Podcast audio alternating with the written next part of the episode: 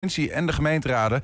Collega Wilco die eh, praat ons erover bij. Morgen is in het muziekcentrum in Enschede een concertconcours... waarbij ook het orkest van Wilhelmina Glanenbrug meedoet. Straks spreken we twee trompetisten van dit orkest. Mensen, erger je niet. Uh, ganzenborden, Monopoly, Risk, dat soort uh, spellen, noem het maar op. De bordspelliefhebbers zitten komende zondag goed in Aardorp. Daar is de eerste spellendag voor kinderen. En het Twents kwartierke hebben we vandaag met aandacht voor een nieuw boek... dat gaat over de geschiedenis van Twente van 1528 tot 1870. Het is vrijdag 10 november. Welkom. Dit is 120 vandaag. 120. 120 vandaag. De 14 Twentse gemeenten maken een pas op de plaats met de regionale energiestrategie. Dat hebben ze vanmiddag laten weten in een brief aan de provincie en aan de gemeenteraden. De duurzaamheidswethouders voelen zich door veranderende regelgeving rond zonneparken en windturbines gewoon niet serieus genomen door het provinciebestuur, zeggen ze. Onze collega Wilco Lauwers die, uh, heeft die brief uh, gelezen, uh, kan er meer over vertellen. Collega Wilco Lauwers zit aan tafel. Goedemiddag. Goedemiddag. ja, even om te beginnen. Dit is een soort van. ehm, ja, we, we kopten op, op ramkoers, zeg maar. Dus de, de revolte van de gemeente naar de provincie lijkt het bijna. Ja, zo, zo, zou je het enigszins kunnen opvatten. Het is allemaal heel diplomatiek altijd. Hè? Dus uh, um, hoe, hoe, verder je zo'n brief gaat lezen, hoe meer je denkt van, nou ja, de, de, de angel wordt er wel een beetje weer uitgehaald.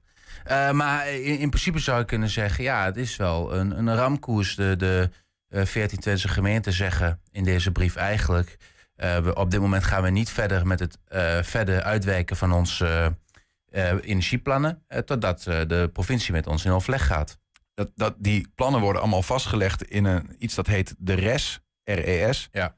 Um, dat is altijd zo'n ding, dat moet je wel even uitleggen. Wat is dat precies?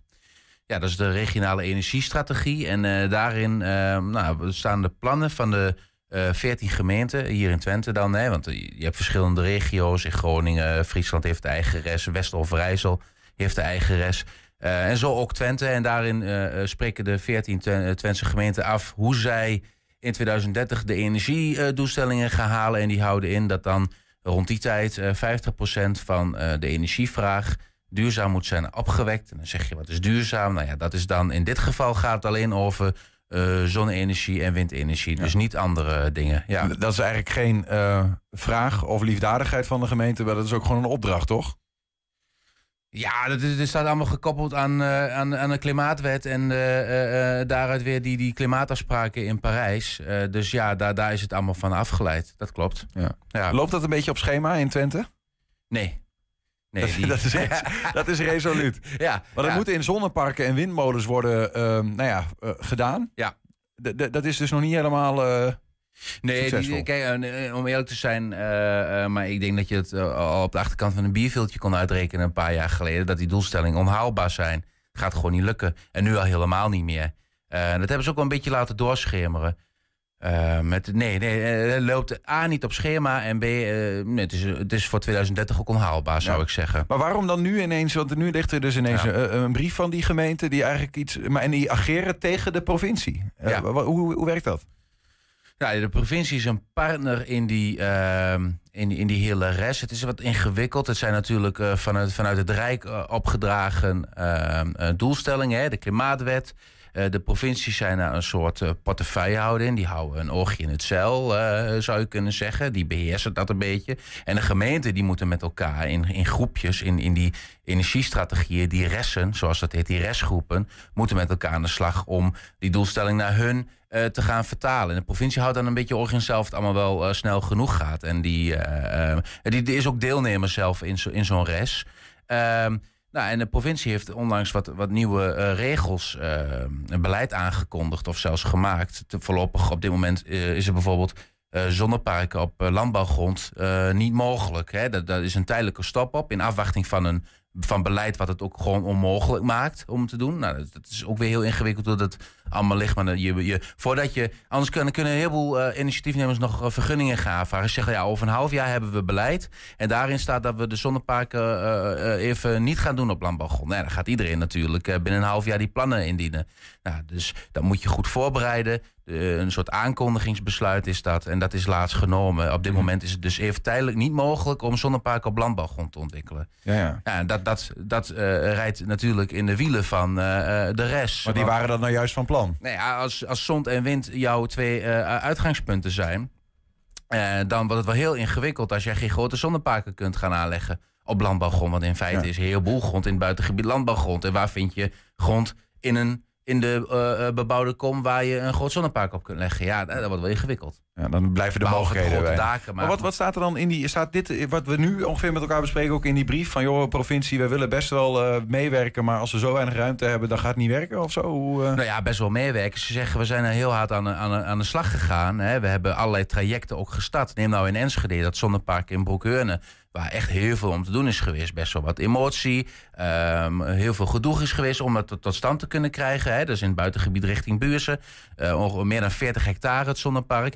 En ja, daar zijn, uiteindelijk zijn daar iedereen... eh, ehm, eh, toch of in grote delen, grote mate... zijn mensen daar akkoord op, ge- op gegaan vanuit de buurt. En dan zegt de provincie, ja, leuk en aardig... maar in feite betekent dit beleid dat dat dus niet kan doorgaan. Ja. Nou, heb je twee jaar heb je daar gesprekken over gevoerd met elkaar. Ja. En dan gaat dit niet door. Nou, ik denk niet dat iedereen daar heel rauwig om is die daar woont. Hè, want het is een beetje zo van ja, als het moet, eh, dan, dan een beetje wel eh, rekening houden met. Ja. Maar ja, het, het komt wel voort uit een proces. En het heeft te maken ook met de doelstellingen die de gemeente heeft.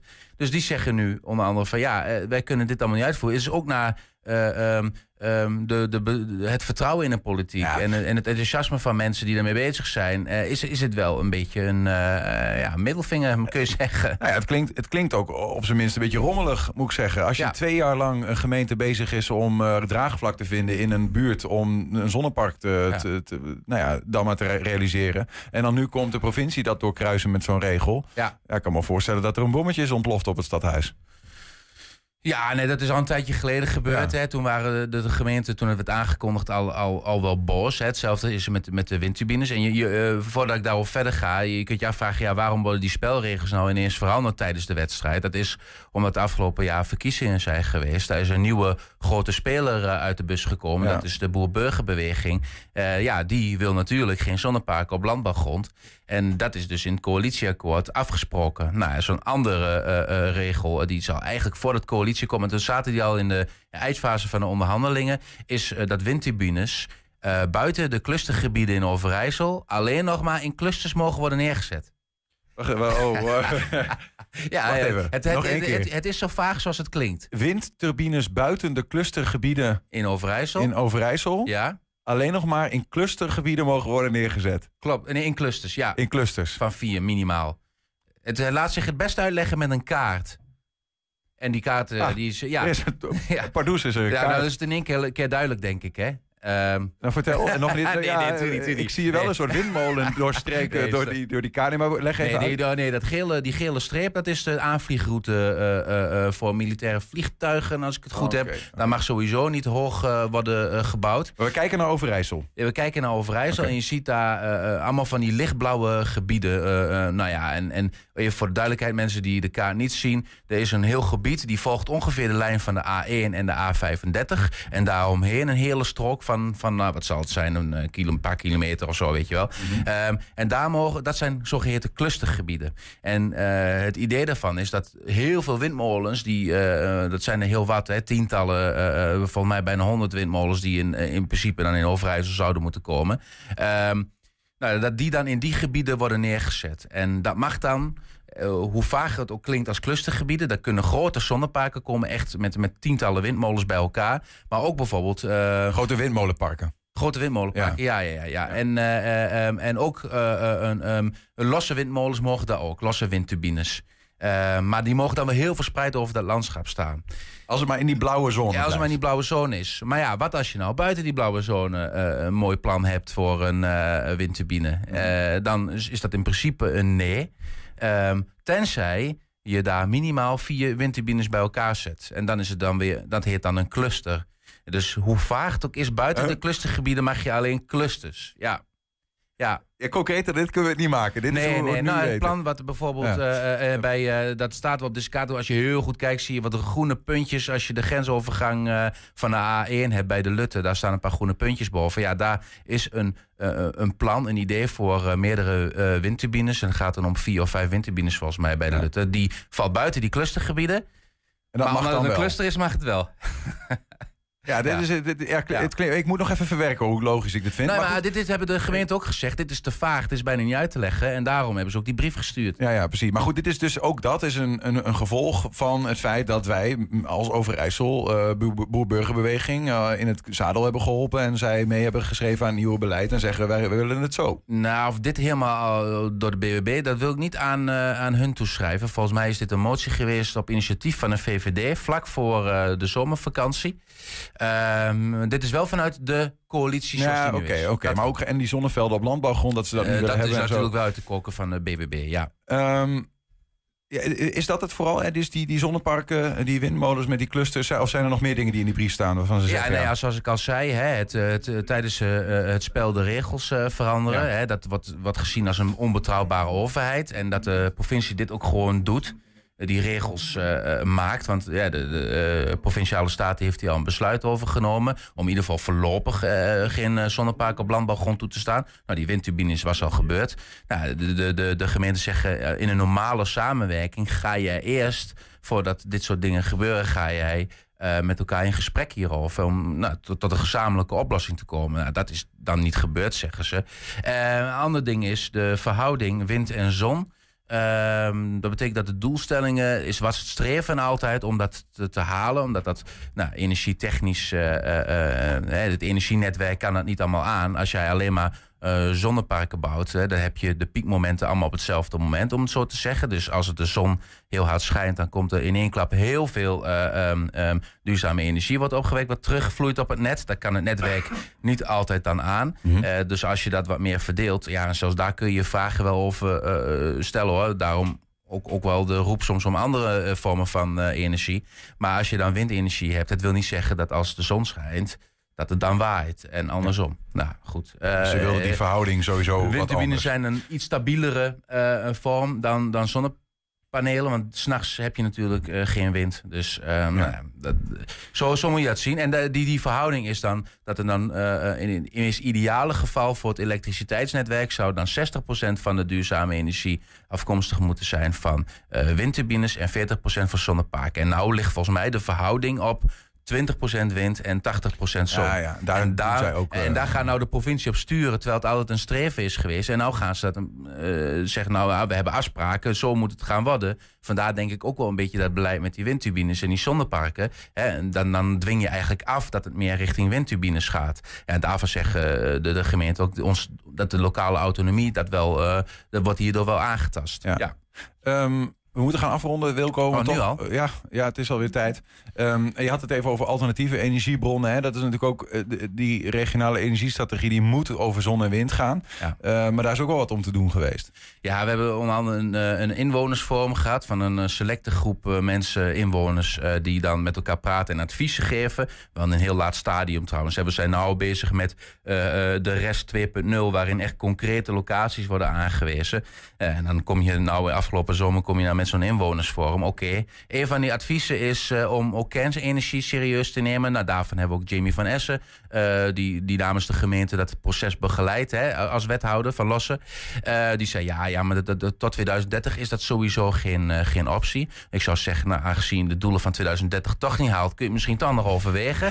Maar goed, hè, ik ben hier niet een politieke uitspraak te doen. Kernenergie staat niet op de agenda. en, terwijl inwoners zeggen, ja, neem het nou wel serieus. Ja. Maar goed, Ja. resume. Want er Ja. ligt nu een brief voor jou. Die komt van de 14 Twentse gemeenten. Die zeggen eigenlijk tegen de provincie... ehm, de- deze manier van werken, eh, hier, zo kunnen we niet, eh, niet verder met elkaar. Ja. Eh, een pas op de plaats. Maar ja, om tw- 2030 moet er wel iets liggen. Want anders dan, nou ja, dan zegt de landelijke overheid misschien wel... nou, dan gaan wij drukken. Of de provincie mag het zelf bepalen. Wat gaat er nou gebeuren? Ja, en dat drukken, kijk, een windmolen, een windturbine, dat heeft gewoon een, een proces nodig, een vergunningsproces. En als je op 1 januari 2025 die vergunning niet onderhands hebt aangevraagd of al hebt, dan wordt het heel lastig om het nog voor 2030 met de bouw en alles wat erbij komt Mhm. kijken. Verdere, je kunt nog juridische procedures starten. En die gaan altijd wel komen bij dit soort dingen. Ehm, en dan kun je heel lang rekken. Dus dan, dan haal je 2030 eh, gewoon niet.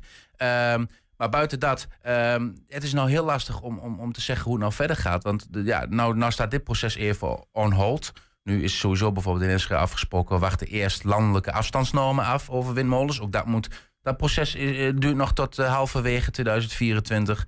Nou, dus eh, de, eh, we hebben de gedeputeerde gevraagd voor, om een reactie. Eh Thijs de Bree is dat.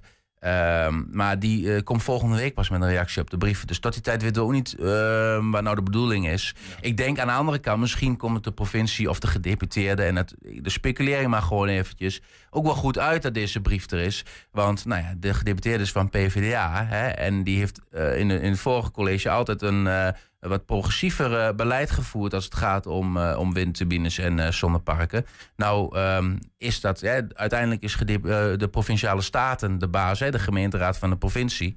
Die ehm, eh, halen de, de doelstellingen, of de, de, de regels, die, die, die eh, ehm, hoe zeg ik dat? De teugels houden ze nou wat strakker. En dan gaat het dus niet lukken. Dus hij wordt nu eigenlijk gedwongen om met, met de gemeente in gesprek te gaan. Om toch tot een oplossing te komen. En misschien wel weer naar diezelfde provinciale staten te gaan. Om te zeggen, ja jongens, ehm, we hebben de gemeente wel nodig om eh, iets te bereiken. Ja, precies. Dus Nou ja, misschien is het ook wel een heel groot Ja. eh, politiek We gaan het eh, zien. Op- opnieuw een voorspelling, niet uit. voorspelling van Wilco Lauwers. Eh, we gaan het meemaken wat de reactie van de gedeputeerde wordt. Komen we op terug. Wilco, dankjewel. Ja hoor. Zometeen een nieuwe aflevering van het Twents kwartier, of van het Twents kwartier van Twentse politici op weg naar het Binnenhof. Met vandaag Roy van Aals van BVNL. 120 vandaag. We gaan praten met twee top-trompetisten. Jeroen Schippers en Jeroen Jordi Lensing. Sorry. Ze komen uit de stal van het eh, Nederlandse toporkest Wilhelmina, het Glanenbrug. En blazen nu in respectievelijk de Marinierskapel en het orkest van de Koninklijke Marechaussee. Beide spelen een eh, belangrijke rol op het concertconcours dat morgen de hele dag wordt gehouden in het muziekcentrum in Enschede. Wilhelmina sluit de dag namelijk af met Dr. Jekyll en Mr. Hyde. Het is een speciaal voor dit muziekconcours geschreven werk van de Enschedeze componiste Alex Poelman, die de heren volgens mij ook nog wel kennen. De hoofdrollen in dat stuk worden gespeeld door Jordi en Jeroen. Jordi is bij ons, welkom. Dankjewel. En eh, via de telefoon ook contact met eh, Jeroen. Eh, goedemiddag Jeroen. Goedemiddag, hallo. Ja, jullie staan met eh, Wilhelmina tegenover Fanfare Psalm 150, begrijp ik, uit Dingsperlo eh, morgenavond als afsluiter van het concours. En ik heb begrepen, Jordi, dat dat eh, echt de Champions League voor de amateurmuzikanten is. Zo, zoiets wat daar morgen gebeurt. Onderschrijf jij dat, dat gevoel? Ehm, ja, ik onderschrijf één van de twee dingen die je zei. Eh, het eerste waar je zei, we staan tegenover, maar zo werkt het niet. Oké. Eh, we zijn allemaal gewoon orkesten die eh, onwijs ons best doen en zo mooi mogelijk proberen te spelen, zo goed mogelijk proberen te spelen. En dat, die concoursen zijn verdeeld in diverse divisies. En wij komen samen met Psalm uit in de, in de hoogste divisie. Ja, ja, precies. Maar en hoe werkt dat dan precies als je zo- zo'n wedstrijd speelt? Je krijg je, ja, je hebt dan divisies en je krijgt gewoon... Je, moet je van elkaar winnen of krijg je punten? Hoe, hoe, hoe, zit- hoe zit dat? Nee, je krijgt, eh, je krijgt punten. Dus je krijgt, een jury gaat gewoon luisteren eh, naar, wat je, naar wat je speelt. Mhm. Eh, ze hebben ook de partituur, dus alle noten van wat wij spelen kunnen zij meelezen. Ehm, en dan geven ze gewoon punten. Of je ergens een 8 voor krijgt, een 9 of een 9,5. Of Ja, ja. en heel uitzonderlijk misschien wel een 10. En Wilhelmina speelt in de Champions League, zou je kunnen zeggen. Al Ja. jaren. Ja, En- en- en- maar is het dan een kans voor jullie dat het morgen... eh, of, of is het gewoon thuiswedstrijdje ook nog gaat goed komen? ja wij zitten eigenlijk. We, zit, we zijn op het moment dat we spelen helemaal niet bezig met die punten. Op het moment dat we voorbereiden zijn we ook niet bezig met die punten. We zijn alleen maar bezig met zo mooi mogelijk programma spelen. Eh, we spelen een uitgebalanceerd programma wat helemaal op elkaar is, eh, is afgestemd. Mhm. Ehm, en daar proberen we gewoon het maximale uit te halen. Dat doen we met normale repetities op zaterdagmiddag. We hebben groepsrepetities, die doen we soms op een andere dag of van tevoren. Ehm, ja, zo proberen we eigenlijk onszelf naar een zo hoog mogelijk niveau eh, te tillen. Ja, en de punten zijn bijzaak. Ja, we maken af en toe wel grapjes. Van, nou ja, in de afdeling waar wij uitkomen, de concertafdeling, is het eigenlijk wel nodig dat je meer dan 90 punten haalt. Dus gemiddeld een 9 of hoger. Oké. En, ehm, maar als we ergens in de voorbereiding zitten, zeggen we regelmatig: Oh, oké, ja, nou hebben we al 67 punten. nou ja, Ja, het zo, zo gaan we daarmee om. zou voor En- mij een uitdaging zijn geweest, denk ik, op school... om telkens een 9 te halen. Maar eh, voor Wilhelmina is dat gewoon eh, de standaard. Nou ja, het is niet de standaard, maar het is, ehm, voor ons is het gewoon echt een, een eh, punt op de horizon waar we naartoe werken. Ja. Dus dan, dan merk je ook aan de, aan de samen, samenhang van de groep en hoe mensen met elkaar omgaan, dat het gewoon ja, een lang traject is. En ehm, dat proces is misschien nog wel belangrijker dan de punten die we uiteindelijk gaan halen. Jeroen eh, Schippers aan de telefoon, eh, ook eh, morgen, eh, nou ja, solerend voor, eh Gla voor Glanenbrug, voor Wilhelmina. Eh, ik bedoel, jullie zijn beide hè, gepokt en gemazeld, ook in het concert, eh, concoursen, zou ik maar zeggen. Eh Wilhelmina doet het Ja. al decennia lang. Ja, is dat voor, hoe is dat voor jou om voor punten te spelen op dit hoogste amateurniveau? Is dat een peulenschilletje? Nou, het is, het is inderdaad wat Jordi zegt. Eh, nou, leuk om te vermelden is misschien eh, dat sinds 1938 ze het hoogste niveau eh, concours hebben in Nederland. En dat Wilhelmina Glanenbrug het allereerste orkest op dat niveau en sindsdien altijd op dat niveau al speelt. Dat meen je niet, echt? dus, ja, Ja. Dat, dat is echt waar. Dus, ehm, ja, het belangrijkste is dat je, wat Jordi ook zegt, je hebt steeds een doel om naartoe te werken. En ehm, hè, het doel in dit geval is om zo goed mogelijk, zo mooi mogelijk te spelen. En eh, natuurlijk is het leuk als je daar een hele goede waardering voor krijgt. Eh, omdat je daar met z'n allen keihard aan werkt. Eh, maar het, het, is ook een aantrekkingskracht in de regio. Ehm de, Glanenbrug op dat niveau blijft en wil blijven spelen. Ehm, dat, dat geeft voor een hele hoop mensen zoals mij en ook zoals Jordi. Kijk, we kunnen ook denken van ja, weet je, ik ben nu van Rotterdam onderweg naar Glanenbrug. Eh, het, is, het is wel goed, ik ga lekker een weekend eh, bij mijn gezin blijven. Maar het is voor ons een uitdaging, en nu helemaal natuurlijk met het solo spelen, eh, om daar, nou ja, om daar iets, iets bijzonders neer te zetten. Met, Hey, en dat is dan in, in, het is in Enschede, hè? het wordt georganiseerd door Excelsior uit, uit Lossen. Dat doen ze ook volgens mij al meerdere jaren. Maar hoe is dat voor Ja. jullie in die zin dat het er ook een beetje een thuiswedstrijd is? Ja, Enschede is wel, eh, en vooral het muziekcentrum is wel een beetje onze, onze thuisbasis. Daar, daar spelen, hebben we veel gespeeld, spelen we heel graag. Het is gewoon geweldig om met nou ja, een groep, eh, ik, ik zeg amateurmuzikanten, eh, maar er zitten ook veel eh, eh, mensen vanuit eigen opleiding, beroeps eh, of mensen bij, die eh, samen gewoon een fantastisch eh, concert neerzetten in een prachtige zaal. Ja, en echt landelijk. Hè? Dat is goed om te zeggen. Vanuit het hele land komen mensen naar Enschede eh, morgen, amateurmuzikanten. Ja. Eh, een, negen, eh, nou ja, hoe zeg je dat? Negen orkesten in totaal. 600 deelnemers staan daar verdeeld over de dag, verdeeld over het gebouw. Ehm, eh, eh, overigens, Jordi, nog heel kort even. ehm, eh, zijn Dingspelo, eh, dus eh, de, de Psalm 150 en, en jullie, zijn jullie de enige op dat hoogste niveau dan van het hele land? Eh, niet van het hele land, maar wel van eh, de orkesten die morgen deelnemen. Ja, precies. Dus dat is dan weer verdeeld over het land van dat die concoursen worden gespeeld. Ja, precies. Eh, Jeroen, heel even, we kennen jou onder meer ook van nou ja, je signaal tap toe op 4 mei. Even kijken hoe dat er dan uitziet.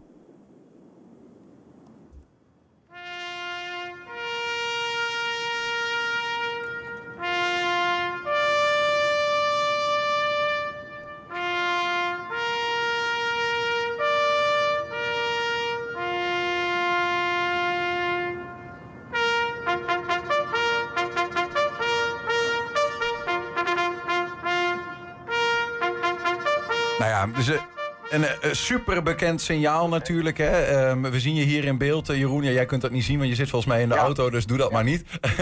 Ehm, maar goed, eh, ik bedoel, eh, dit, dit doe je, eh, heb je meerdere keren gedaan eh, op, op de Dam. Je bent eh, nou ja, gewoon een, een professioneel eh toptrompetist wat dat betreft. Hoe ben je daar gekomen? Want je komt inmiddels een beetje uit een nou ja, beroemde eh, eh, familie, eigenlijk de Glanenbrugse familie eh, Schippers. Eh, sommige van jouw neven spelen in het Concertgebouworkest.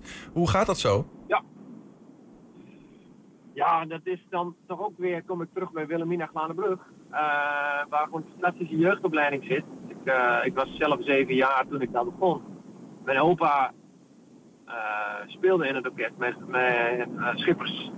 Mijn andere opa Kunst, die heeft er zelf nog gedirigeerd. Mijn vader heeft een deel gedirigeerd in Glanenbrug.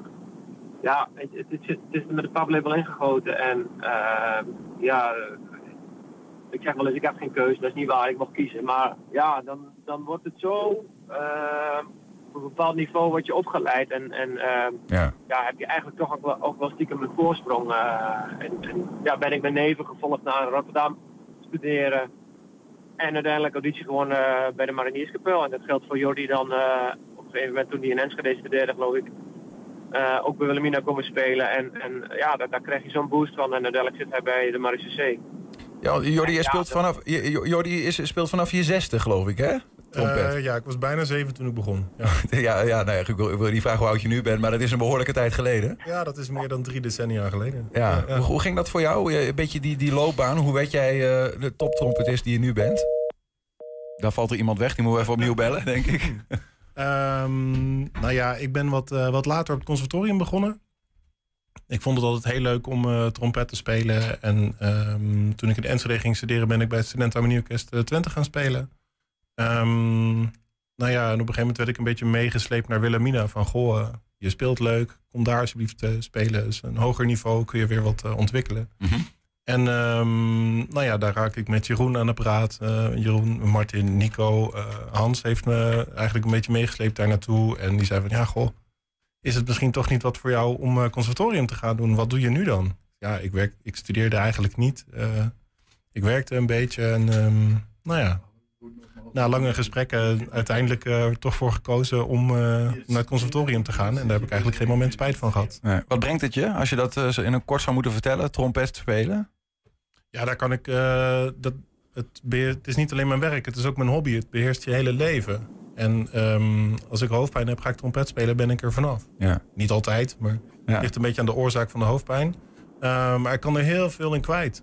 Echt, eh, nou ja, Jeroen speelde, eh, heeft regelmatig het signaal op de Dam gespeeld. Eh, dat soort signalen worden niet alleen op de Dam gespeeld, maar door heel Nederland. ook op allerlei verschillende herdenkingen. En het is, ik vind het ook heel mooi om ehm, wat ik goed kan, ehm, mensen daarmee ehm, ja, een soort misschien verlichting te geven. Of dat ze. ehm, ik speel ze, als we die signalen spelen, spelen we dat niet voor onszelf. Dat heeft altijd een functie. Het is echt voor de mensen. Ja, Ehm, ja, morgen iets heel anders, denk ik, dan zo'n signaal. Hè? Morgenavond. eh, ook spannend. Ja, nou ja, soleren jullie in een, een stuk eh, van Alex Poelman, ook een Enschede. Jullie kennen hem ook. eh, Dr. Jekyll en eh, Mr. Hyde. Nou, we kennen dat verhaal allemaal van natuurlijk die man die dokter was, zeg maar, overdag. En als hij een bepaald drankje dronk, geloof ik, was hij Mr. Hyde. En dan was hij eerst heel vriendelijk en daarna was hij een soort van eh, moordenaar. Ja, eh, wat, wat is dat voor stuk, Jordi? Ehm, ja, daar kun je op twee manieren naar kijken. Je kunt het technisch, technisch bekijken. Oké, oh, ik dacht die twee manieren, ja? Nou ja, dat ook. Eh, dat heeft het hele programma van het concours trouwens. Heeft altijd, eh, alles, elk stuk heeft die twee eh, een dubbel thema. Ehm, ja, wat is het voor stuk? Ehm, Alex schrijft heel filmisch. Dus je zou er eigenlijk gewoon een film bij kunnen maken. En dan is het heel logisch wat hij allemaal, wat hij allemaal schrijft. Ehm, het is voor het orkest een uitdaging om te spelen. Soms heb je eh, solo-stukken dat dan het orkest eigenlijk niet zoveel te doen heeft. Een beetje begeleiding en dat was het. Eh, maar in dit stuk zit veel meer ook voor het orkest. Dus het is niet alleen een eh, solo-stuk voor Jeroen en mij, maar ook echt een samenwerking met het orkest. Ja. We hebben, een, Ehm. eh, we hebben een, een video. ehm, en ik, ik weet niet helemaal zeker, want het was wat last minute, of dit een stukje is van. Maar dan horen we jullie in ieder geval samen spelen. En ik hoor knikken, dit is een stukje van nou ja, Jekyll en Hyde.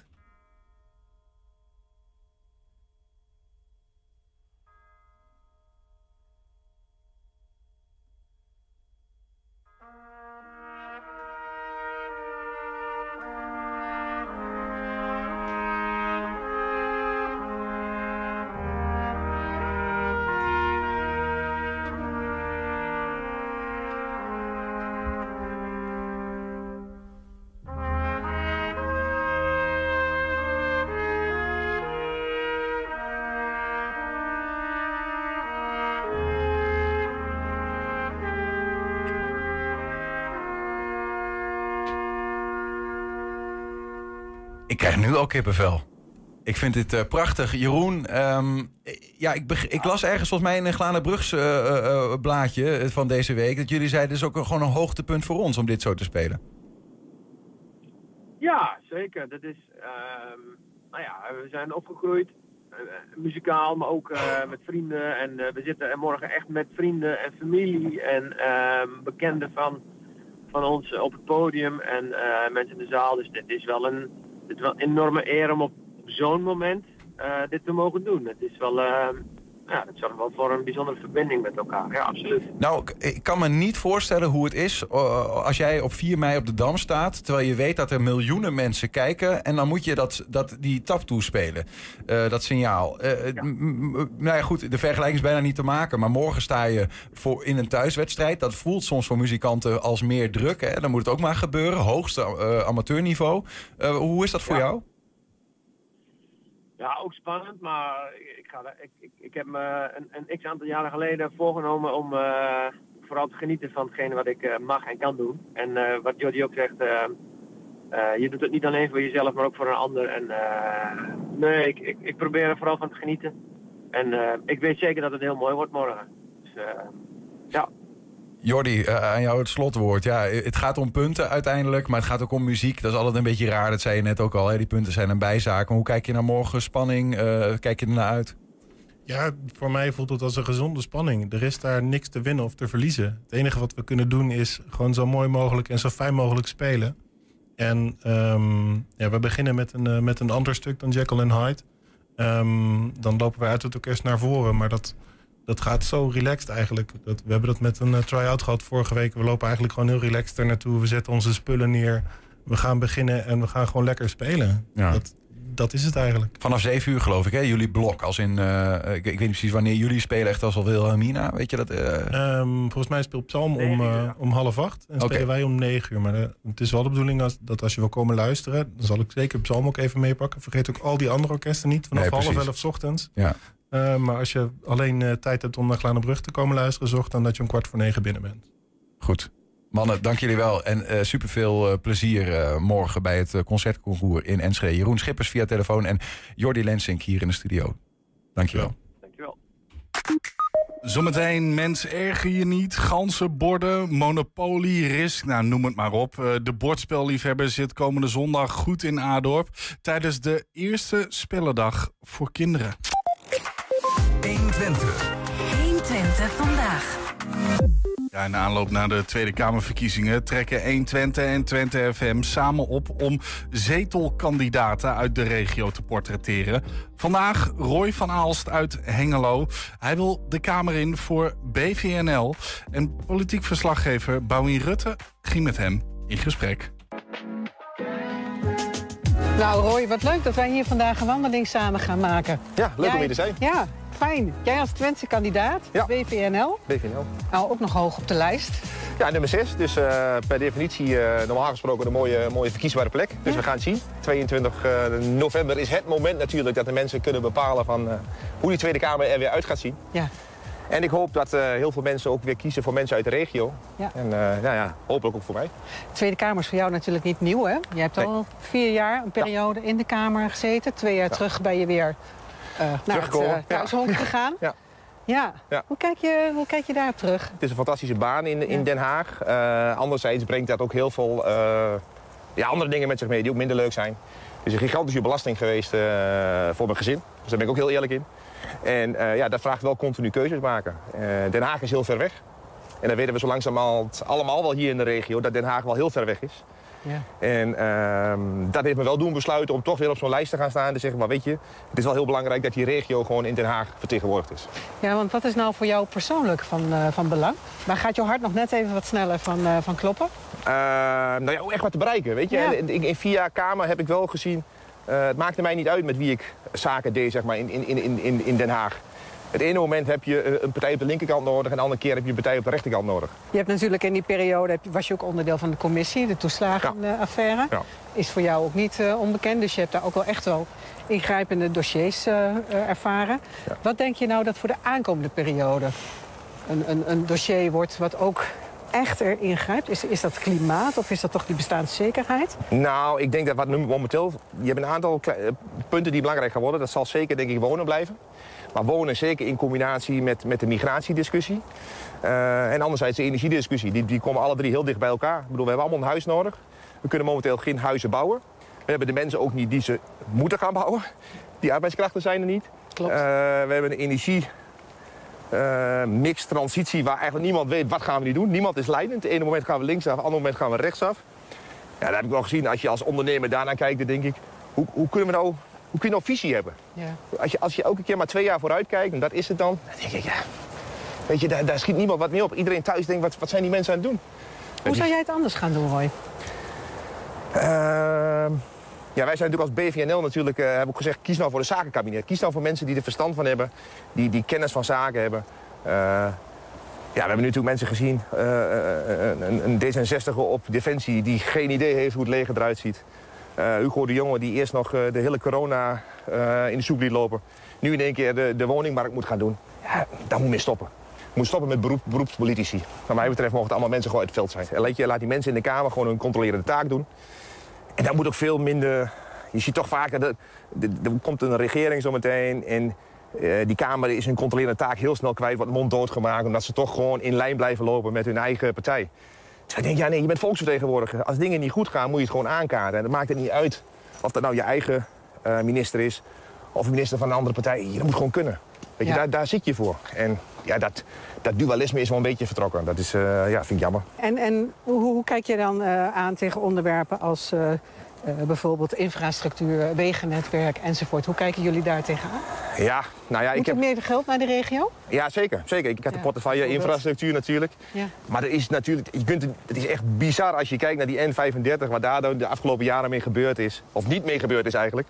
De provincie heeft geld al klaar liggen. Iedereen wilde. Ja, en dan gaat weer, weer, weer de, de, de deur op slot. Dan, nou weer door een discussie over stikstof. Dat ik denk van, hé, jongens... Hoe kan dat? Ik, ik vind het echt totaal een non-discussie. Maar ik bedoel, dit is ook geen discussie om stikstof als je naar de N35 ke- kijkt. Dus dit is een verhaal rondom verkeersveiligheid. En ik vind echt, hoe je, welke partij dan ook, op verkeersveiligheid mag je nooit concessies doen. Dus alleen daarom al, vind ik, moet er gewoon wat gebeuren. Ik bedoel, je, je kunt niet zo'n weg als de N35 dwars door het dorp. Het is echt, hoe kun je het bedenken? En dat is gewoon, daar, daar missen we gewoon de boot als Ja. Overijssel. Als het aan eh, BVNL ligt, Ja, komt die N35 zeker. Ja, Ja. ik best dat er heel veel mensen in de Randstad wonen. Alleen ik vind gewoon dat wij als regio veel harder op die trom moeten slaan. In de vorige pro- provinciale campagne heb ik gezegd... wat mij betreft kunnen we ook wel een hek om Overijssel heen zetten. We hebben hier allemaal wel in huis. We kunnen het zelf wel regelen. We hebben, we hebben Den Haag niet nodig. Dus, eh, en dat, daar blijf ik bij. We hebben een fantastisch mooie provincie. Alles aanwezig. Dus waarom zouden we het niet zelf doen? Dus een beetje Catalo Catalonië van misschien buiten de deur. Ja, toch? Ja. ja, we kunnen best Catalonië van Nederland zijn. Ja, dat goed, Ja. laten we nog even een stukje die kant uit, eh, uitlopen.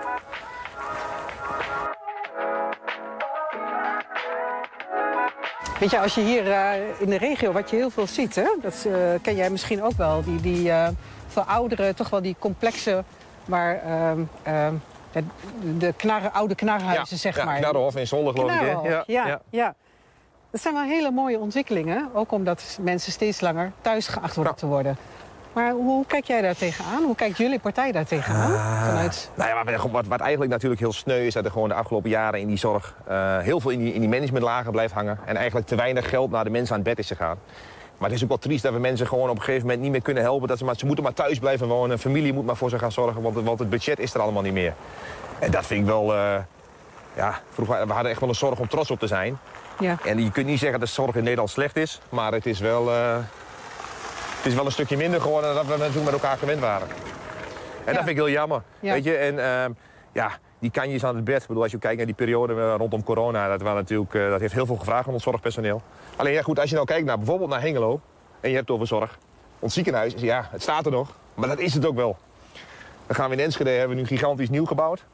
Midden in de binnenstad, ik denk van ja, was dat nou zo handig? Nou, Alderzaal zit geloof ik nog een depot. Dan denk ik bij mezelf, jongens, hebben we nou niet gewoon één fantastisch mooi academisch ziekenhuis rondom de UT, rondom het vliegveld. Locatie was er volgens mij, voor iedereen Nou Ja, bereikbaar. daar zeg je wel een raak punt. Want het is natuurlijk in Twente echt wel een, een eh, punt van aandacht. Ook als je kijkt naar, naar eh, eh, de noodnummers en de bereikbaarheid. Ja. Dus ik dacht ook bij mezelf, Ja. weet je, als je ook kijkt, op de kaart kijkt, dan ligt dat vliegveld. Die ruimte is daar, alles was aanwezig. En dat is wat ik zei, weet je, Overijssel, maar ook Twente, weet je, heeft gewoon... Alle faciliteiten zijn er eigenlijk, om, of in ieder geval de mogelijkheden zijn er om, om alles te creëren. Maar we doen er eigenlijk te weinig mee. Als je nou, stel dat je nou inderdaad eh, eh, wederom die kamer in gaat. Is dat dan ook een onderdeel waar je hard voor gaat maken? De zorg eh, behouden, ook in, in het buitengebied van, eh, van Twente? Nou ja, ik vind in ieder geval dat we, dat, ja, een speerpunt, dat is altijd voor mij wel geweest, dat ik wel dacht van, ik, ik weet waar ik vandaan kom. En dat moet je volgens mij, wat je ook doet in je leven, je moet onthouden waar je vandaan komt. Nou, dat is in mijn geval natuurlijk uit Twente. En eh, dus ja, zeker, dat, je moet altijd je regio op de kaart zetten. Ja, En dan moet je nooit vergeten waar je vandaan komt. En eh het blijft gewoon jezelf. Het blijft gewoon normaal. vind ik een hele mooie afsluiter. Ik ga jou heel veel succes wensen. Ja, dankjewel. In deze aankomende weken nog. Het laatste gedeelte van de campagne. Eh, wellicht eh, straks weer in, eh, in het Binnenhof. We gaan het zien. We gaan het Ja, zien. zet hem op. Dankjewel. 120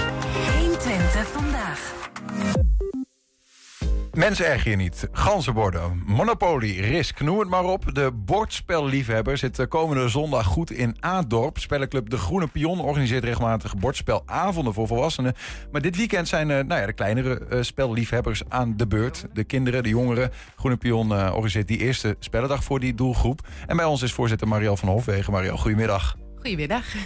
Klaar voor aankomende zondag? Ja, zeker. Ja, nee, hè, we hebben vanwege, via een fonds hebben we eh, budget gekregen om het spellen te kopen. Gevarieerd een beetje voor beginnende spelers vanaf zes jaar. De kinderen die misschien met de ouders komen.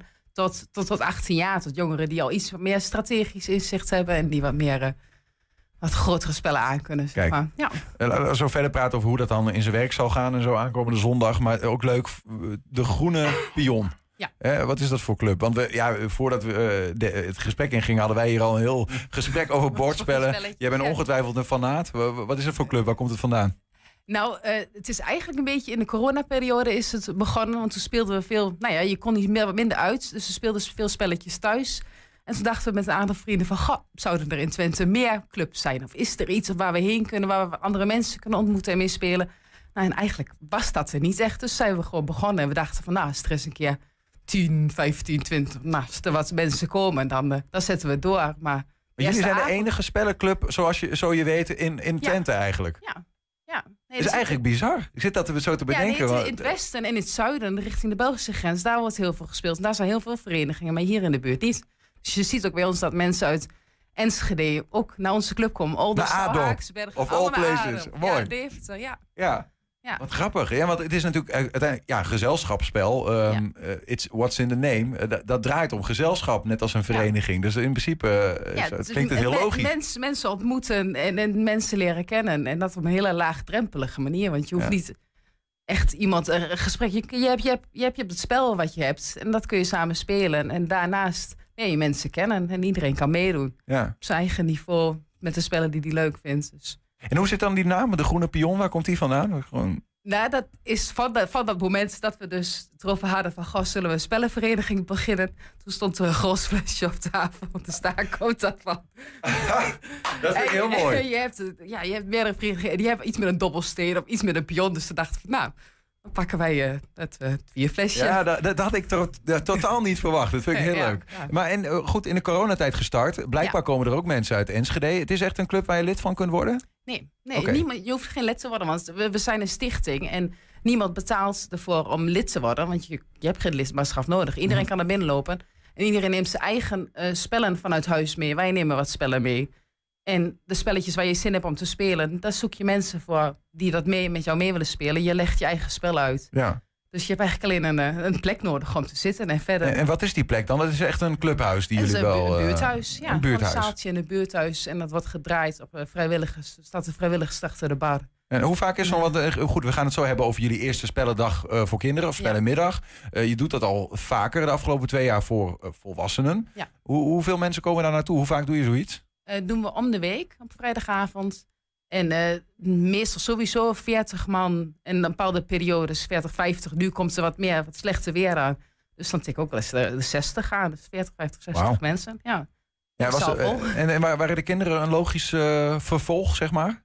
Ja, nou ja, die vraag kwam voornamelijk van de, de mensen die nu op de vrijdagavond al komen. Dan van, nou, onze kinderen vinden het eigenlijk ook leuk. En ik speel wel eens, dat speel zo'n spelletjes als Azul of Splendor. Een beetje instapspelletjes wat je snel uitlegt. Van, nou, maar mijn dochter van, van acht, die kan dat ook wel. Mag die dan mee op de avond? Waarvan we dachten van, ja, Hmm. maar dan krijg je wel dat, dat niveauverschil. Tenminste, met kinderen hou je je soms wel een beetje in. En denk je van, nou, want die gun je ook een keer iets. Nou, dus dachten we, nou, als we dan niet. speciaal... Wat je nu vertelt. Nee, dat, eh, erin. nee, ik snap het. ja, dus we dachten van, nou, als we nou speciaal een, een moment voor hun eh, maken, dan kun je op je eigen niveau met leeftijdsgenootjes. Ja. Nou, er waren genoeg eh, groene pionnen dan van de vrijdagavond die dat ook leuk vonden, die als vrijwilliger dan gaan helpen zondag om de spelletjes uit te leggen voor de Kijk. families die wat minder bekend zijn met spellen. Of die, nou ja, ganzenbord en men zeg je niet. En, en Monopoly en zo kennen. Ja, ja. Dus die kunnen kennis maken met wat nieuwe spellen. Hey, maar eh, kinderen, jeugd, want het is natuurlijk van 6 tot 18. Ja. Hè? Ehm, en eh, gezelschapsspellen, bordspellen. gewoon fysiek, niet op een computer of een telefoon. Is, dat, eh, is dat nog een. eh, kan dat nog in deze tijd? Ja, dat Gebeurt het nog? Ja, ja zeker. zeker. Tenminste, ja. onze, onze leden, mensen die komen. En, en ook als je... Laatst is de spellenspectakel, de beurs in Utrecht geweest. En als je zag voor record aantal eh, bezoekers die hebben gehad... en hoeveel gezinnen daartussen lopen... is het ja, juist nu in de herfst als het buiten regent... en je wil op zondagmiddag wat doen... nou ja, dan pak je er een spelletje bij. Ja, dus. ja. En, en mensen moeten zich aanmelden, neem ik aan ook? eh, Nee. Of kunnen ze gewoon binnenlopen? En gewoon binnenlopen. Ja. Dus je weet ook niet precies waar je zondag gaat Nee. aantreffen. Nee, dus dat, dat Hoe groot is je buurthuis? We hebben heel groot bereik, hè, met 120. Ja, nee, eh, ons buurthuis is, is vrij groot. En, eh, Kinderen zijn maar klein, dat scheelt. Ja, nou, ja dus we gaan ervan uit dat het al wel goed komt. Ja. We kunnen redelijk wat mensen kwijt. Ja. Maar hoe gaat het in zijn werk? Even gewoon heel praktisch. Hè? We, we- we komen binnen. Van hoe laat tot hoe laat gaat het zijn? Eh, heb je dat- Eh, Eén uur volgens mij. Eh, één uur. Eén uur.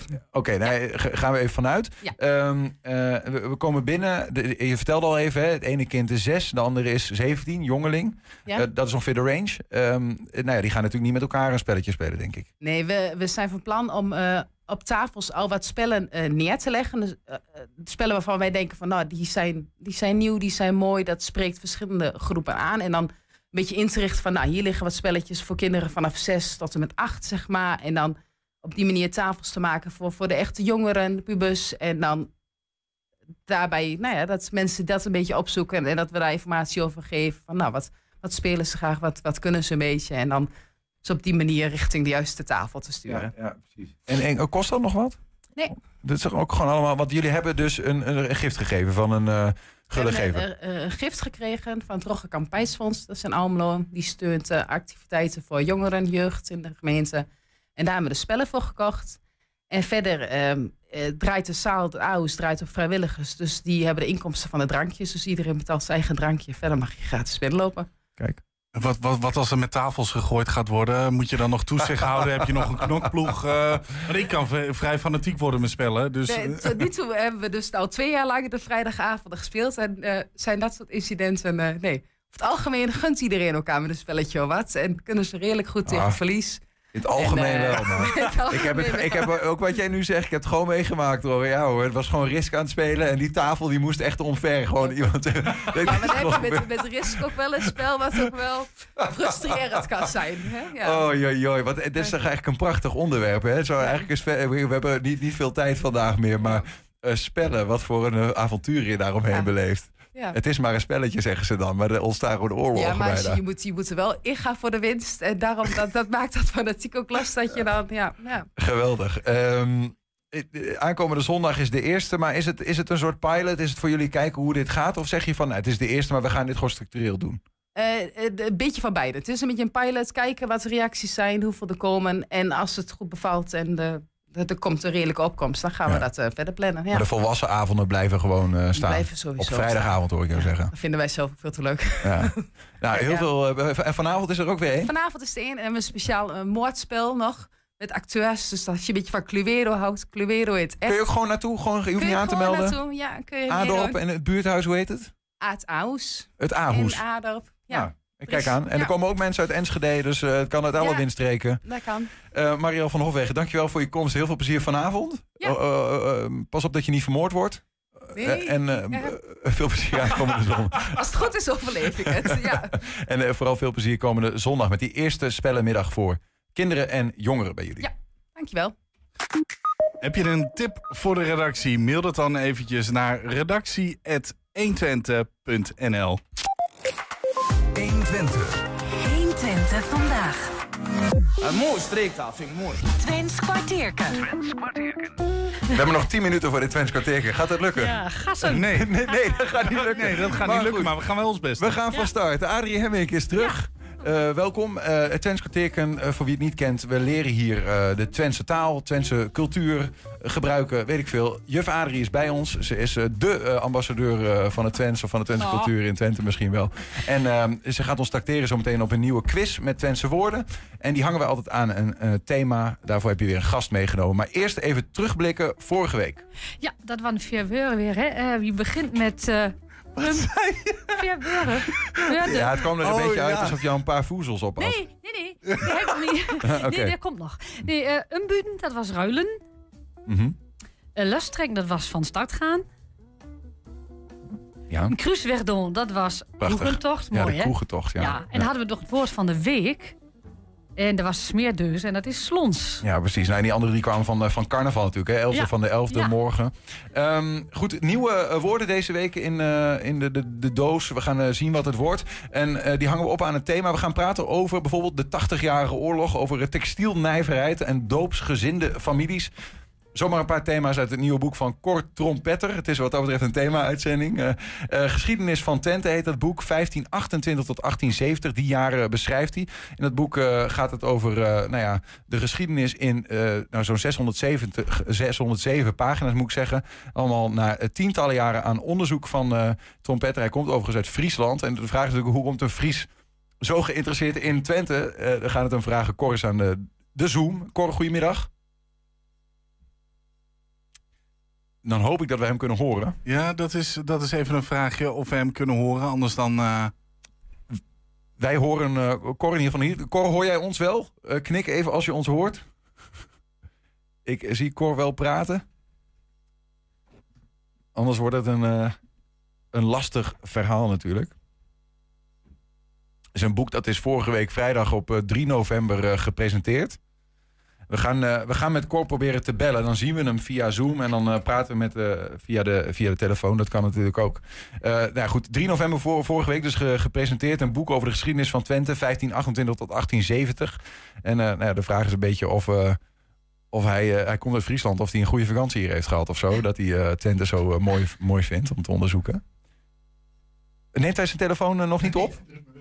Oh, hij drukt hem weg. Ja, daar komt hij. Cor, we bellen je. Niet wegdrukken.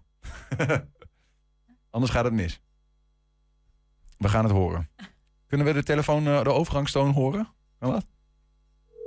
Ja. Ja. Ik ben benieuwd. Oh, we worden opnieuw weggedrukt. Dat is niet handig. Oké. Oké, hij kijkt, we weten wel niks. Ehm hey, maar eh, eh, heb jij al iets van gehoord, van begrepen, Adrie, of niet? Van het boek? Ja, nou, ik, heb, ik, ben, ik ben er zelf niet bij geweest bij de presentatie. Dat was in, eh, bij eh, Boekhandel Broekhuis natuurlijk. Misschien mag ik het helemaal niet neuven. Maar ehm, ik vind het wel bijzonder dat hij zoveel heeft onderzocht. Want hij heeft niet alleen dit boek Ja, nou ben ik er wel. Ah, daar is het. Kijk. Ja, we kunnen hem horen. Cor, hoor je ons ook? Eh, ja, nou, via Zoom, eh, ik eh, kan jullie wel prima verstaan. Mijn microfoon staat ook aan, maar daar komt niks, eh, komt niks uit. Dus eh, ga, maar, eh, ga maar je gang. Ja, we, we, we horen je nu prima. Dus ik weet even niet of het via de telefoon is of niet. Via de Zoom. Via de Zoom, dus je kunt je telefoon wegdoen, eh Cor. Ehm, eh, de vraag die wij natuurlijk hebben is, je komt uit Friesland. Ehm, waarom een, een boek over de geschiedenis van Twente? Nou ja, ik zou zeggen, waarom niet? Eh, ben ik er nu of niet? Ja, zeker. Wij horen, wij, zijn, wij hangen aan je lippen. Ja, ik, ik zou bijna, zeggen, bijna, waarom niet? Eh, ik denk dat eh, Twente trots kan zijn op haar geschiedenis en eh, zich eh, veel te weinig eh, daarvan bewust is. Ehm, een van de thema's die, eh, die bij mij aan de orde komt, is dat Twente altijd deel uitgemaakt heeft van een eh, wel veel groter verband. En nooit een geïsoleerd gebied is. En wanneer ik een vorige spreker hoor zeggen, eh, hoor zeggen van zet er maar een hek omheen. Nou, dat hek heeft er nooit gestaan en dat hek heeft ook nooit gewerkt. Twente is altijd eh, bezig geweest met, eh, of onderdeel zijn van, van het geheel. Maar hoe bedoel je dat dan precies? Concretiseren? Nou, neem bijvoorbeeld het ontstaan van de textiel. Dat is alleen eh, mogelijk geweest door internationale textielhandel. Dat is mogelijk geweest doordat de Nederlandse handelmaatschappij daar met grote subsidies de textiel op, op poten gezet heeft. Dus eh, dat landelijke beleid heeft altijd een rol gespeeld. Eh, in de 18e eeuw zie je dat eh, er heel veel mensen uit de Twentse steden, vooral vrouwen, naar het westen emigreren, omdat ze daar een beter bestaan hebben. Dus wat dat betreft is Twente eigenlijk altijd geïntegreerd geweest in de grote geheel. Of dat naar Duitsland geweest is, of, of de Nederlandse Republiek, of het Koninkrijk Nederland. Waar, waar, waar kwam dat vandaan? Zit dat in de, in de geest van de Twentenaar? Nee, dat is gewoon uh, de, ligging, de ligging van het gebied. Het is een uh, gebied tussen Duitsland en, uh, en het westen van Nederland. Dus ja, ja. het is eigenlijk altijd een doorgangsgebied Oost-West geweest. Hoe lang heb je onderzoek gedaan naar de regio? ik ben eigenlijk begonnen in 1993 en dat heeft geleid tot mijn proefschrift. Dat heeft, toen ik een aantal jaren als wethouder werkte, heeft dat stilgelegen. En ik ben er eigenlijk weer mee begonnen in nou, in, in, in 2021, 2022. En toen is eigenlijk dit boek uh, ontstaan. Ook omdat ik een uitgever had die er wel in geïnteresseerd was. Dit, begon dus 30 jaar geleden al, uh, wat dat betreft. Uh, ja, dit begon 30 ja, jaar geleden. Ja. Ik heb intussen ook wel wat uitstapjes gemaakt naar andere gebieden. Hoor. Dus ik ben niet alleen maar nee. in Twente blijven gaan. Ik heb ook nog een paar boeken over Friesland geschreven. Dus, uh... hey, um, um, als je nou, wat is, dit, is dat wat je vooral on top of mind is, wat dat betreft dat Twente dus altijd een onderdeel is geweest van het grotere geheel? Of als je nou wat dingen moet uitlichten, verrassingen die je bent tegengekomen of interessante dingen waarvan je zegt, nou, dit moet je eigenlijk weten als je een Twentenaar bent?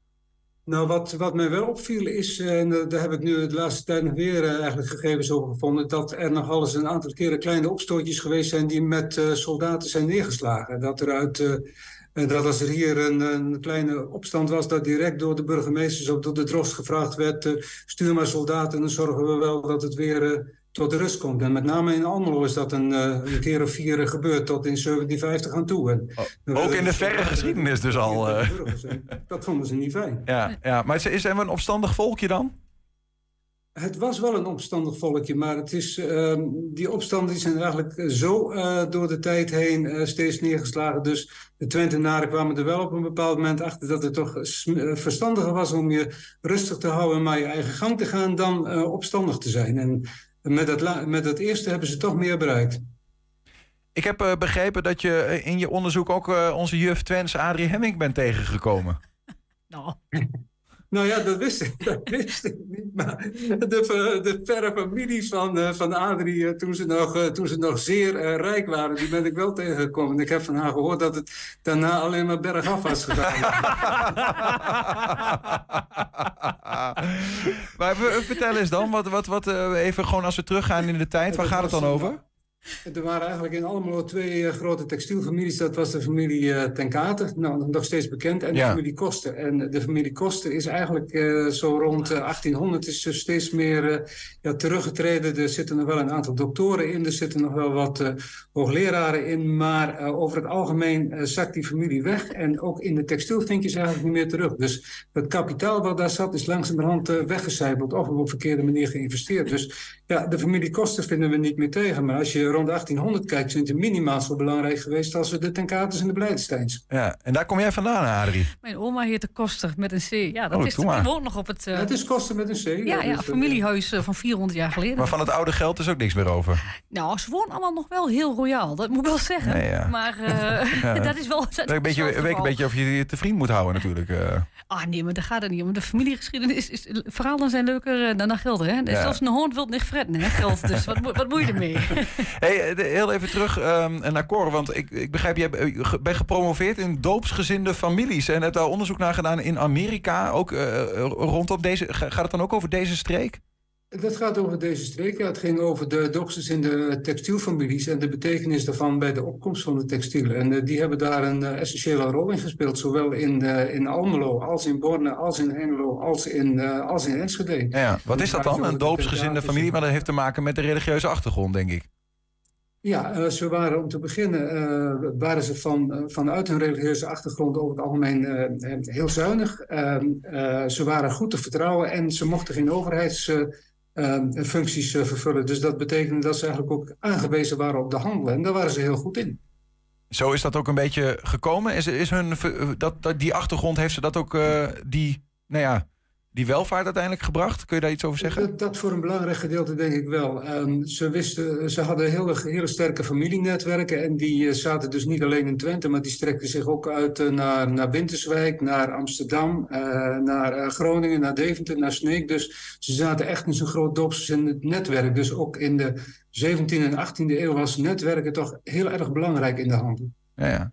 Maar ook zuinige mensen, zeg je. Want ik uiteindelijk kennen wij de textielfabrikanten natuurlijk als mensen die uh, het geld tegen de plint hadden, hadden klotsen. Ja, maar... Nou, uh, er is een heel mooi, mooi, boek over geschreven. Dat heet Familiezoet. Uh, en dat zegt eigenlijk van nou. Um, ze gooiden het geld wel over de plinten, maar zelf hadden ze het gevoel dat ze nog wel redelijk zuinig waren. Dus dat is een, een beetje een dubbele moraal. Maar als je kijkt Nou. naar de 17e, 18e eeuw, dan leven ze echt nog heel, eh, nog, nog heel zuinig. Nou ja, In de 19e eeuw begint dat te veranderen. Tegelijkertijd eh, eh, hoor je wel eens van mensen van het oude geld, zeg maar, dat die juist heel zuinig zijn. Mensen die eigenlijk op heel veel welvaart zitten, die, die dus heel erg letten op de kleintjes, zeg maar. Ja, ik weet niet of dat Nou ja, daar als, nog. je te veel, als, je, als je te veel uitgeeft, bij het vrij snel kwijt. Ja, dat is ook wel zo, ja. Kan, kan, ook, kan ook geen kwaad. Je moet niet overdrijven, maar het, is, het is niet onverstandig. Waarom tot 1870, Cor, dat boek? Waarom niet gewoon tot eh, 2023?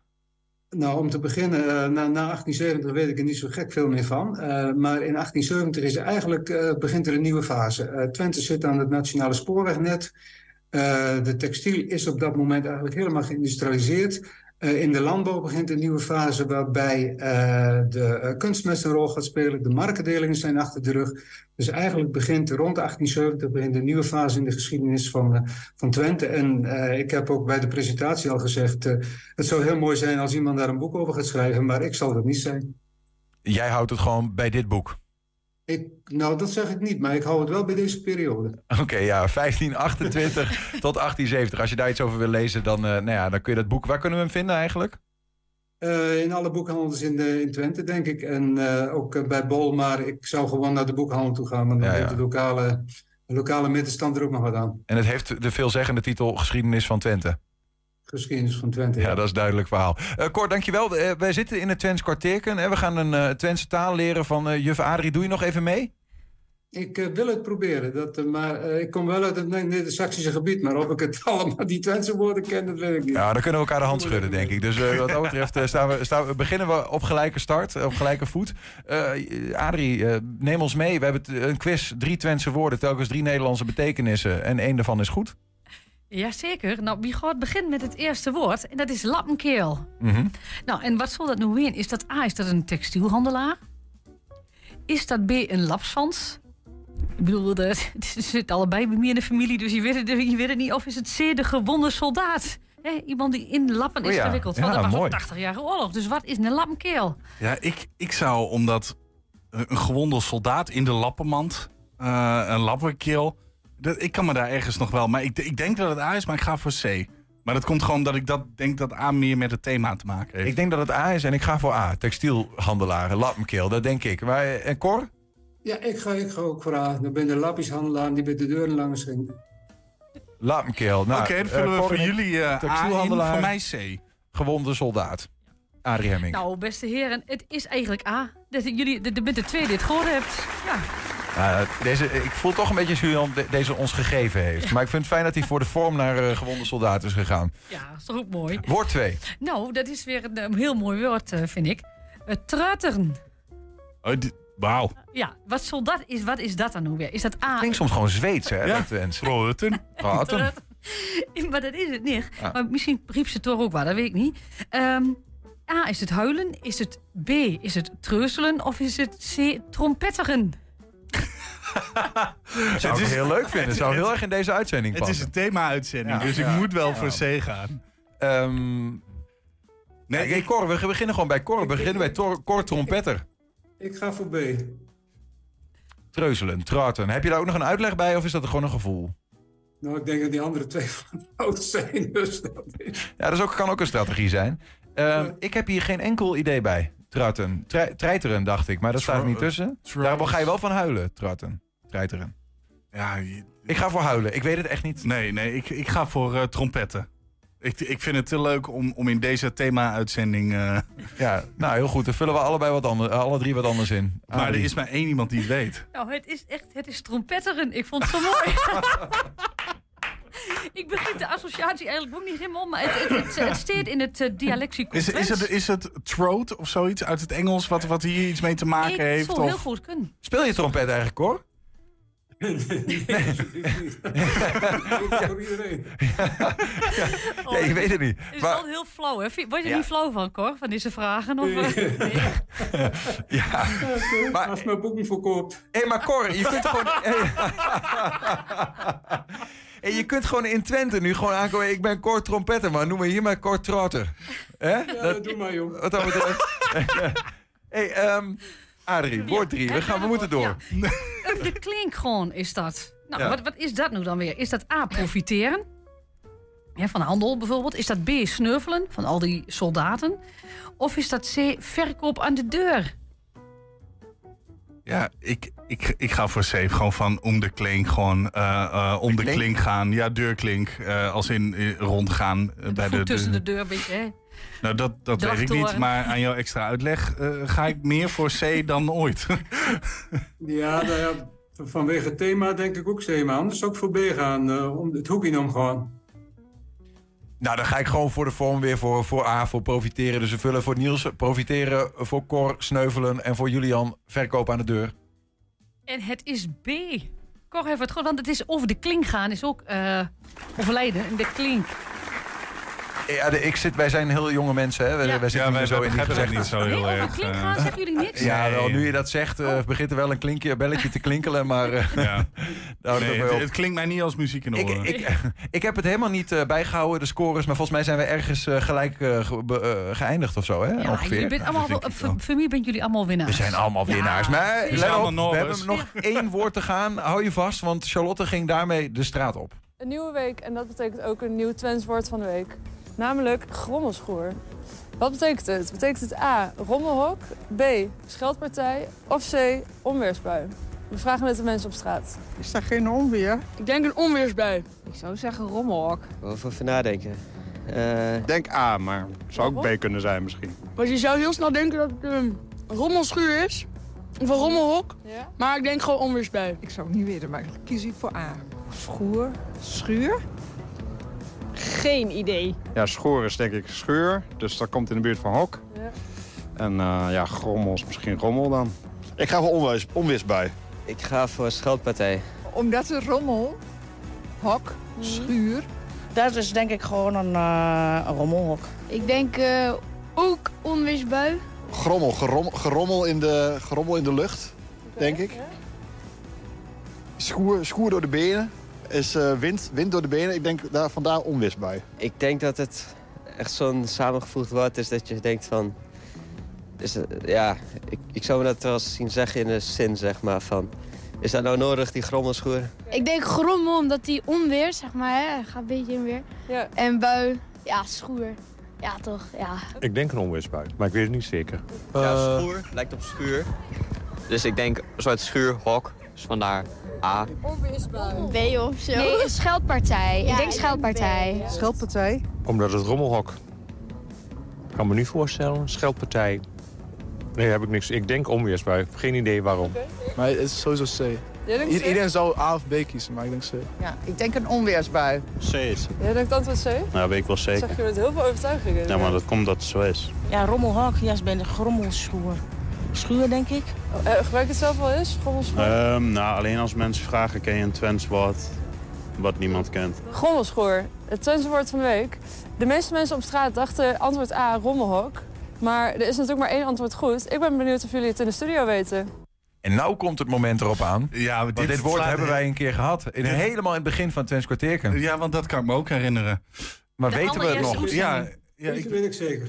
Cor, je- en dan moet je niks zeggen. maar ik ben benieuwd of jullie al het weten. het is onweersbui. Ja, onweersbui. Want sch- skoer of schuur kom ik eh, gewoon wel in de, ook de, in de oude stukken tegen. Dus dat is, Dat is er niet, hè? is een zware bui. Ja, een schoer, die hadden we ook al een keer. Een soort, soort bui. En een grommel. Zou dan wel een rommelen? Maar goed, laten we eens eens kijken of... Want onweersbui, wij vullen dat in. Eh, Charlotte heeft het antwoord. Grommelschoor, het Twentse woord van de week. De meeste mensen op straat dachten antwoord A, rommelhok. Maar er is natuurlijk maar één antwoord goed. En dat is antwoord C, onweersbui. Tot volgende week. Ja, sluiten we toch mooi af. Gebroederlijk, naast elkaar. Onweersbui. Maar rommel is gewoon rommelen? Rommel, ja. Ja. En schoer? Schoer is een bui. bui. Oké. Ja.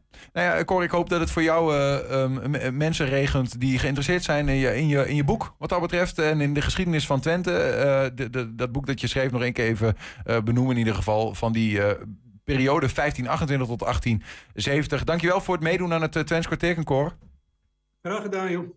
En eh ik zeg, eh, eh, Goed gewoon. Ja, nee, goed gewoon. Maar ik, ik wou Nee, nee, nee, nee, gaan we niet in het Fries doen. Nee, Nee. Eh, Elke keer maar weer dat Fries. Agoeie. Ah, goeie. Nee, ook niet. Gewoon goeie. Nee. nou, goed gewoon, zeggen wij in Twents. Tot ziens. En je vader je ook bedankt. In ieder geval zijn wij aan het einde gekomen van 120 vandaag. Terugkijken, dat kan direct via 120.nl. Vanavond 8 en 10 ook op televisie te zien. Zometeen hier DJ Non-Stop op de radio. We zien je volgende week weer. Tot maandag. 120. Weet wat er speelt in Twente. Met nu het nieuws van 5 uur. Goedemiddag, ik ben René Postma.